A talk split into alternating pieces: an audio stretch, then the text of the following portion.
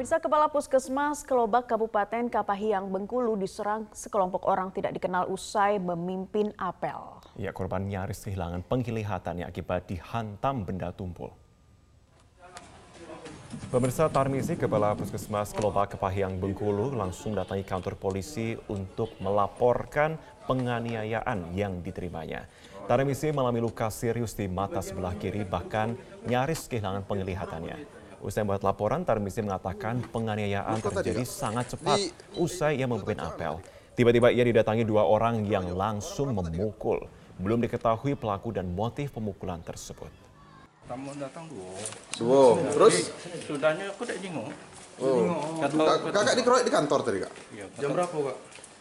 jam 8 Ada masalah apa kak? Dia Tidak langsung. Tidak tahu ada masalah apa apa kak? Udah apel kak? Oh, Baru udah apel tadi, ada kita langsung dikeroyok. Kak? Informasi lain, Menteri Kesehatan Budi Gunadi Sadikin kembali menyinggung ruwetnya izin praktek dokter. Ya, Menkes mengaku menerima laporan dari sejumlah dokter yang merasa sulit mendapatkan rekomendasi praktik di daerah. Salah satunya karena besarnya setoran yang harus diserahkan.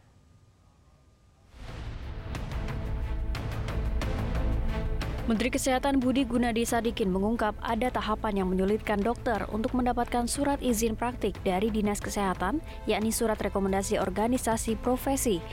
Menkes bahkan menyebut ada beberapa dokter yang merasa tidak nyaman untuk mendapatkan rekomendasi karena harus menyerahkan setoran dana yang disebutnya masuk ke organisasi profesi.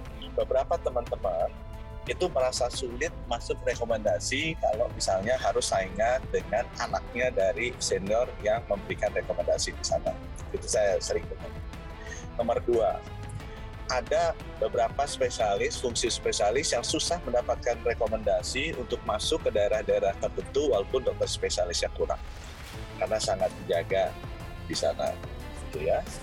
Nomor tiga, ada beberapa dokter yang merasa tidak nyaman karena kalau mau dikasih rekomendasi itu harus ada janji setorannya ke atas yang masuk ke grup.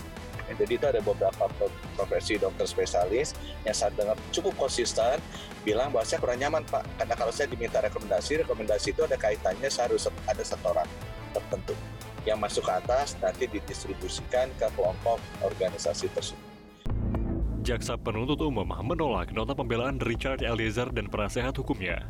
Jaksa beralasan, pledoi Eliezer tidak memiliki landasan yuridis untuk menggugurkan tuntutan 12 tahun penjara. Kami tim penuntut umum dalam perkara ini berpendapat bahwa pledoi tim penasihat hukum haruslah dikesampingkan karena uraian-uraian pledoi penasihat hukum tidak memiliki dasar yuridis yang kuat yang dapat digunakan untuk menggugurkan surat tuntutan penuntut umum. JPU pun kembali menegaskan terdakwa Eliezer berperan sebagai pelaku utama yang pertama kali menembak korban Yosua. Jaksa juga menganggap penasehat hukum Eliezer keliru menilai Eliezer dapat lepas dari pertanggungjawaban hukum karena alasan kesalahan psikologis. tidak terdapat tanda-tanda atau ciri-ciri sebagaimana yang disyaratkan pasal 44 KUHP kurang sempurna akalnya, pasal 48 KUHP daya paksa, pasal 51 KUHP perintah jabatan. Terdakwa Richard Eliezer Pudium Lumiu semata-mata menunjukkan loyalitasnya mensrea sehingga diwujudkan dalam bentuk kerjasama will and Wettens dengan peranan yang berbeda-beda dalam hal ini Terdakwa Richard Eliezer Pudiang Lumiu berperan sebagai orang atau pelaku utama yang melakukan penembakan awal dan menembak yang kedua diperankan oleh saksi Perdisambo. Dengan demikian, sempurnalah bentuk kerjasama sebagaimana disyaratkan pasal 340 KUHP junto pasal 55 ayat 1 ke 1 KUHP. Dengan demikian, dalil penasihat hukum terdakwa Richard Eliezer Pudiang Lumiu harus dikesampingkan. Menanggapi rapor jaksa, kuasa hukum Richard Eliezer, Roni Talapesi menyebut jaksa mengesampingkan fakta persidangan terutama soal alasan Eliezer mengikuti instruksi Sambo untuk menembak Yosua. Jadi apa yang sudah disampaikan oleh jaksa penuntut umum dalam replik tentunya berbeda dengan fakta persidangan ya. Kalau kita lihat tadi yang terkait pasal 48 overma sikap batin tersebut tidak bisa dinilai, tapi oleh jaksa penuntut umum mengesampingkan ya. Kan ada fakta-fakta persidangan yang menyampaikan bahwa Richard Eliezer kan sampaikan kalau tidak saya yang tembak, saya yang kena tembak gitu loh. Itu kan sebenarnya fakta persidangan, tapi ya dikesampingkan oleh jaksa penuntut umum. Di hari yang sama, sidang dengan agenda replik jaksa terhadap pledoi Putri Chandrawati digelar. Dalam bantahannya, jaksa meyakini bahwa Putri Chandrawati turut merencanakan pembunuhan berencana Brigadir Yosua. Jaksa juga menyebut, penasehat hukum Putri tidak profesional, bahkan turut berkontribusi dalam mempertahankan kebohongan Putri terhadap surat dakwaan dan surat tuntutan yang berdasarkan keterangan saksi Richard Eliezer Pudiang Lumiu. Lagi-lagi, tim penasihat hukum terdakwa Putri Chandrawati memperlihatkan sikap yang tidak profesional dan bahkan tidak mampu mempertahankan hak lainnya yakni terdakwa Putri Chandrawati. Bahkan tim penasihat hukum ikut berkontribusi dalam mempertahankan kebohongan yang dibangun oleh terdakwa Putri Chandrawati. Sudah jelas dan nyata serta sudah tidak dapat terbantahkan lagi sebuah fakta hukum bahwa terdakwa Putri Chandrawati turut serta melakukan persiapan perencanaan sejak di rumah rumah Magelang, rumah Saguling 3 nomor 29 hingga pelaksanaan eksekusi di rumah Duren 3 nomor 46. Pengacara Putri Cendrawati Febri Diansyah pun memberi tanggapan. Kami itu yang kami sebut mungkin uh, penuntut umum agak emosional ya melihat hal tersebut. Tiba-tiba uh, ada ada apa asumsi baru begitu ya seolah-olah uh, tim penasihat hukum melakukan hal seperti itu. Padahal justru misalnya saya kasih contoh sederhana tadi disebutkan tentang pengecekan lokasi ke uh, eh, TKP ya ke Duren 3 dan ke Saguling itu perintah hakim. Perintah hakim yang hadir siapa? Penuntut umum juga hadir di sana, semua penasihat hukum juga hadir di sana. Lalu bagaimana mungkin uh, kami punya peran untuk bisa misalnya apa pun lah bahasanya menjerumuskan atau me mengganti fakta atau segala macam. Justru kami secara pasif hadir di sana dan kami yang meminta agar semua fakta terbuka secara terang benderang. Selain Putri dan Eliezer, nota pembelaan tiga terdakwa lainnya, yakni Sambo, Kuat, dan Riki juga ditolak jaksa dalam persidangan sebelumnya. Manajemen klub Arema memunculkan wacana pembubaran tim dan juga pengunduran diri dari kompetisi Liga Sepak Bola Profesional Indonesia pasca terjadinya tragedi Kanjuruhan yang menelan korban 135 jiwa dan melukai ratusan Aremania lainnya.